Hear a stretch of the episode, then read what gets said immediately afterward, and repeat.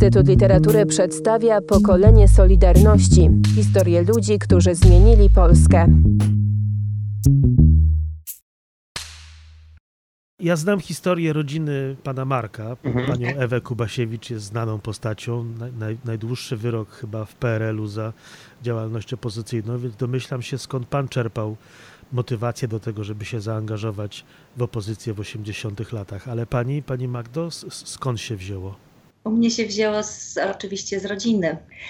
Mój ojciec e, był bardzo e, zdeklarowanym czy głęboko wierzącym katolikiem, naukowcem i antykomunistą, tak bym, Polakiem, tak bym go określiła. I od dzieciństwa wczesnego mojego wiedziałam, że bardzo się przejmował tym, że Polska nie jest, że żyjemy w komunizmie uważał, e, dzięki niemu właśnie nabrałam głębokiego przekonania, że to jest zło, komunizm, zło, takie metafizyczne zło po prostu. I e, no, słuchał ciągle wolnej Europy. Charakterystycznym elementem tego mieszkania, jak, jak do niego pierwszy raz trafiłem, to była nie- nieustannie chodząca wolna Europa. A był in, inżynierem, mój ojciec, więc e, pracował na Politechnice Gdańskiej, więc okablowywał mieszkanie tak, żeby wyłapywać audycje dobrze, należycie, bo propagacja była różna w zależności od pory roku, pogody, tam różnych rzeczy i on to po prostu potrafił w jakiś sposób wyłapać. No i w rodzinie te, tak siły, e, ludzie podobnie się trochę przyciągają i na Politechnice właśnie mój tata pracował z Andrzejem Gwiazdą. Najpierw Andrzej był jego, jego studentem, no i tak się zapoznali. e, I potem Andrzej został zatrudniony. Siedzieli przez pewien czas w jednym pokoju. I po 70 roku Andrzej był wyrzucony. Pewnego dnia tata przyszedł do domu, powiesił swoje zdjęcie z Andrzejem na ścianie. Ja pytam, a czemu powiesiłeś? A on mówi, a wiesz, powiesiłem, bo Andrzej będzie sławny. Ten człowiek będzie sławny. Ja mówię, dlaczego? Bo dzisiaj właśnie założyli wolne związki zawodowe. No. Y, Joanna z Andrzejem, jak wychodzili na przykład z komisariatu, niedaleko na, to mieszkanie jest niedaleko komisariatu, to mieszkanie, w którym teraz jesteśmy, mieszkamy, to jest mieszkanie moje rodzinne. Jak y, y, na 48 godzin byli zatrzymani, to jak starali się tutaj, przychodzili do nas na kawkę, na herbatkę, pogadać, po prostu zjeść coś smacznego. Albo w, czasie spacerów, jeszcze początkowej fazie, popilnowali, żebyśmy my nie byli znani. To znaczy, żeby można tu było pogadać bez podsłuchu. Już pod koniec, y, w 8 79 to było bardzo, to już, to już y, był tutaj, pamiętam, przyjechał Stefan Kisielewski, już byłam na spotkaniu ze Stefanem Kisielewskim, tutaj razem z, już koledzy z klasy, żeśmy się porozumiewali, też y, byli jakby antykomunistami, tak? Jak papież został wybrany, to było to wydarzenie takie dosyć przełomowe w sensie w szkole i dla mnie, tak? To znaczy, że wtedy zaczęliśmy po prostu jakby się angażować w takie, no przy, na przykład przyczepiliśmy chorągiewki, kolega przyniósł gazetkę, powiesił w szkole e, dotyczącą papieża. Potem był 11 listopada, też podobne mm, tego typu wydarzenia. Czy to, czy to jest taka tradycja od pokoleń, od, od dziadków, pradziadków, od zyskania niepodległości w 18 roku, wcześniejszych rzeczy? To była rodzina, my pochodzimy z zaboru niemieckiego, z poznańskiego i z pomorskiego. I rodzina się przeniosła już teraz tak precyzyjnie może nie powiem, przeniosła się do Polski, do Chojnic, natomiast generalnie pochodziła ze Złotowa, który pozostał w, w Niemczech przed wojną, tak? Natomiast dziadek był nau- na, skończył tam, został nauczycielem polskim i przeniósł się z powrotem do Niemiec i tam uczył. I był normalnie z członkami, ta rodzina była członkami Związku Polaków w Niemczech. I był aresztowany w, w sierpniu y, przez 1939 roku przez Niemców i siedział do 8 grudnia. Był w obozie w Lipce i został zwolniony. On był w takiej wsi, w której mówił, że generalnie stosunki polsko-niemieckie były dobre. To była bardzo katolicka rodzina, bardzo polska katolicka rodzina, ale wujek na przykład, mąż tam babci, siostry był w Wehrmachcie na przykład, prawda? No bo to jest, y, tamci ludzie byli z pogranicza polsko-niemieckiego i tak to bywało, tak? Wujek zresztą, ten wujek właśnie jak y, był w Europie Zachodniej, uciekł do Andersa i mm, walczył później w Wojsku Polskim i wrócił do Polski.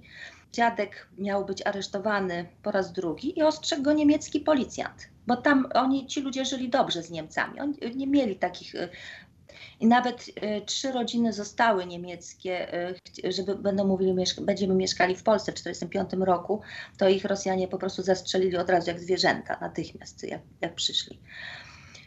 To byli podobno porządni ludzie, tak? Przez to, że to jest rodzina, ta rodzina je, nie podpisała Volkslisty i była chyba jedną z trzech na całej ulicy, y, która nie podpisała Volkslisty, więc mój dziadek został inspektorem przez Rosjan, naznaczony, prawda, no, przez tą nową władzę. W 1945 roku inspektorem szkolnym y, na powiat złotowski. I dziadek w 1948 roku no, został zmuszony być do rezygnacji z tej funkcji. Panie Marku, a pana przodkowie? Ojciec mojego taty y, został rozstrzelany w Charkowie. Był na liście katyńskiej i był lekarzem w Ostrogu, tak to było? Tak, Ostrów. Mhm był lekarzem wojskowym. Na granicy z Rosją. I po prostu jak, jak wy, wybuchła wojna, mhm. to e, proponowano mu, żeby, żeby się żeby się przebrał w, w strój sanitariusza żeby Sowieci nie wiedzieli, że jest oficerem. On, on, był jedynym lekarzem wtedy w szpitalu. On powiedział, że nie będzie te, tego robił i w, w mundurze się, się, się, się, pojawił po prostu i twierdził, że, że, że konwencja genewska, nic mu się nie stanie. Został oczywiście aresztowany i rozstrzelano go, i rozstrzelano go w Charkowie. Ojciec mojej mamy, Sylwester Kielas, on był przed wojną, pływał jako steward w tych liniach polsko-amerykańskich, Gdynia American Lines, tak? czyli pływał do Nowego Jorku mówił świetnie po, po niemiecku, po angielsku i w czasie wojny działał w ruchu oporu. I jest jednym, był jednym z dwóch ludzi, tak przynajmniej tradycja rodzinna głosiła, z dwóch ludzi z takiego poznańskiego, od, takiej grupy doktora Witaszka. To był taka w tej chwili dosyć znana, IPN się tym zajmuje, sprawa. To był Związek Odwetu i to była organizacja związana z ZWZ-em i oni to była organizacja taka dywersyjna. Wykonywali wyroki śmierci. Wykonywali wyroki podziemia de facto. Dziadek pracował na polecenie organizacji podając się za Niemca. Pracował w takim pasażu Apollo w Poznaniu i tam no, między innymi wykonywał te wyroki śmierci, podawali truciznę. I, ta, I była wpadka, wszyscy ci ludzie zostali aresztowani, ponoć dwie osoby przeżyły wojnę z całej tej grupy. I po, a po wojnie został aresztowany i poszedł siedzieć. Komuniści go zamknęli. Na Montelupich. Siedział na Montelupich. Historia prawie jak y, Bradla, czyli Kazimierza Leskiego. No w każdym razie on przysiedział w tym więzieniu. Y, znaczy komuniści go zamknęli i został wyciągnięty przez swojego kolegę z PPS-u, przedwojennego Kazimierza Rusinka, który był jakąś taką postacią. Kolaborantem. Był takim, można powiedzieć, no tak, on, on poszedł na współpracę z Czerwonymi i był jakąś tam postacią w tym, po, po 45, no, po 45 też, nie tak. był PZPR nawet. Nie? I on dziadka wyciągnął z więzienia. Które z y, wydarzeń z takiej historii Polski powojennej, 56, 70, 76 rok, wywarło na Państwu największe wrażenie? Czy było takie wydarzenie, które pchnęło Was do tego, żebyście się zaangażowali w opozycję i powiedzieli dość? Znaczy wydarzeniem tutaj na Wybrzeżu, takim wydarzeniem głęboko oddziaływującym na ludzi, to był grudzień 70. Ja pamiętam ten dzień, dlatego że w momencie to było w pół do szóstej bodajże, kiedy był strzał z czołgu, już udokumentowany w tej chwili, to był huk tak straszliwy, że ja podskoczyłem na łóżku. Miałem wrażenie, że podskoczyłem na pół metra. Był taki huk potworny, potworny huk po prostu z tego, tego wystrzału z czołgu, nie wiedziałem tak głośno może być. Po czym, a potem taki, taki dźwięk, jakby ktoś tak groch rozsypał po stole. I spojrzałem przez okno i widziałem świetlne pociski lecące, nie? bo to było ciemno i, i takie świetlne pociski lecące od strony stoczni w stronę lasu. Ja to do, do, dobrze, a akurat dobrze pamiętam ten moment, dlatego że mama, która pracowała w szkole morskiej wtedy, mnie wyprowadziła rano do, do, do, do znajomych, kawałek dalej a sama poszła do pracy, a ja się, ja tam miałem siedzieć u nich, ale ja miałem 10 lat. A ja się tam wyrwałem, że tak powiem. Znaczy, ponieważ nikt mnie nie pilnował, więc sobie poszedłem na klatkę schodową zobaczyć, co tam widać, a potem sobie poszedłem zobaczyć, co tam koło naszego domu. I pamiętam, że jak schodziłem, byłem niedaleko, to, to zaczęli strzelać z powrotem. I pamiętam to przerażenie takie moje, jak, jak stanąłem, plecami się przykleiłem do ściany budynku, także mnie od tych pocisków, które leciały, odgradzał cały budynek po prostu. Ale pamiętam tą, tą taką wręcz panikę. Ten taki huk tych, tych, serii z tych, z tych pistoletów maszynowych po prostu, które odbijały się od budynków. I się, ja, ja wiedziałem, że, że, że nie mogę być trafiony po prostu, nie? ale echo było takie, był ten pogłos taki, że to miało się wrażenie, że z wszystkich stron nie?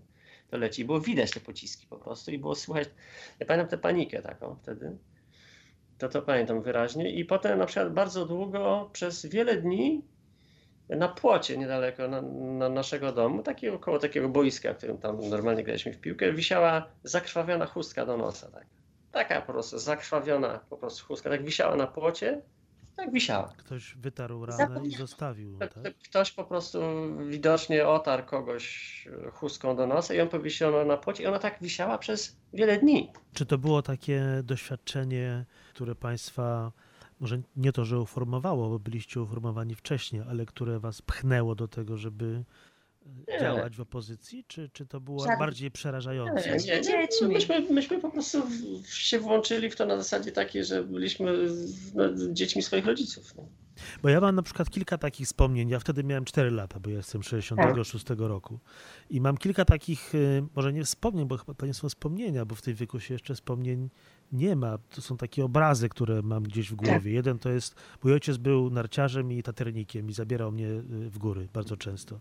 I, Tak. y, i y, mam takich kilka obrazów. Jeden to jest taki na przykład, że tam gdzieś na nartach zjeżdżam i widzę, że mój ojciec wrócił gdzieś z góry i tam do mnie przyszedł. Pamiętam taką drogę w dół zaśnieżoną i mojego Mhm. ojca stojącego na dole, a ja do niego jadę. A drugie takie wspomnienie z tego samego czasu to jest jak idziemy y, gdzieś krupówkami w dół w Zakopanem e, Mhm. w grudniu właśnie 70 roku. Myśmy często jeździli na świę, znaczy po świętach na Nowy Tak. Rok na narty. I y, ojciec, pamiętam jak mi opowiada coś o tym, co się wydarzyło na wybrzeżu.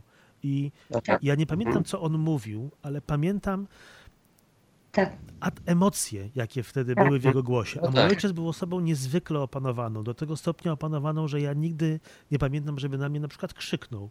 A miał Mhm. powodów bardzo wiele, zapewniam. Tak. E, a- I w, a ja pamiętam emocje, które były w jego głosie i w tym, co on mówił, co się na tym wybrzeżu Tak, wydarzyło. tak.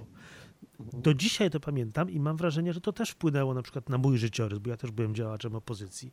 I y, myślę sobie, że tego typu zdarzenia z, z wczesnych lat młodości, dzieciństwa mają ogromny wpływ na to, co potem ludzie robią, jak się zachowują i co myślą. Tutaj mówiliśmy o, o ojcu Magdy, nie? Ale w sumie myśmy się poznali w ten sposób, że mama Magdy zaczęła, poszła pracować do Wyższej Szkoły Morskiej, tam gdzie moja mama pracowała i one się po prostu poznały. I moja mama właśnie gdzieś w 79 roku zaczęła przemyśliwać, żeby jednak coś zacząć z opozycją się związać jakoś tam. Pani Ula Kowalska, która tam pracuje u niej w pracy, że oni znają, że gwiazdów dobrze znają po prostu. I ona po prostu omówiła moją mamę u nich w domu, czyli w tym domu, w którym w tej chwili tutaj siedzimy, na spotkanie z gwiazdami. Ja wtedy poszedłem z mamą jako rodzaj obstawy, że tak powiem. Pamiętam to nawet. Byłem na pierwszym roku studiów, czyli to, to był. Mi się wydaje, że to musiała być e, końcówka 70, znaczy to był 70, to był na pewno rok, rok akademicki 79-80. No To na pewno było przed sierpniem jeszcze wtedy wszystko. I wtedy ma, mama się dogadała z gwiazdami, że ona będzie coś tam pi- pisała do robotnika wybrzeża sama nie zdążyła właściwie nic zrobić tak naprawdę, bo zanim to się wszystko zdążyło rozkręcić, to wybuchł sierpień. Pokolenie Solidarności. Cykl podcastów przygotowanych przez Instytut Literatury w Krakowie.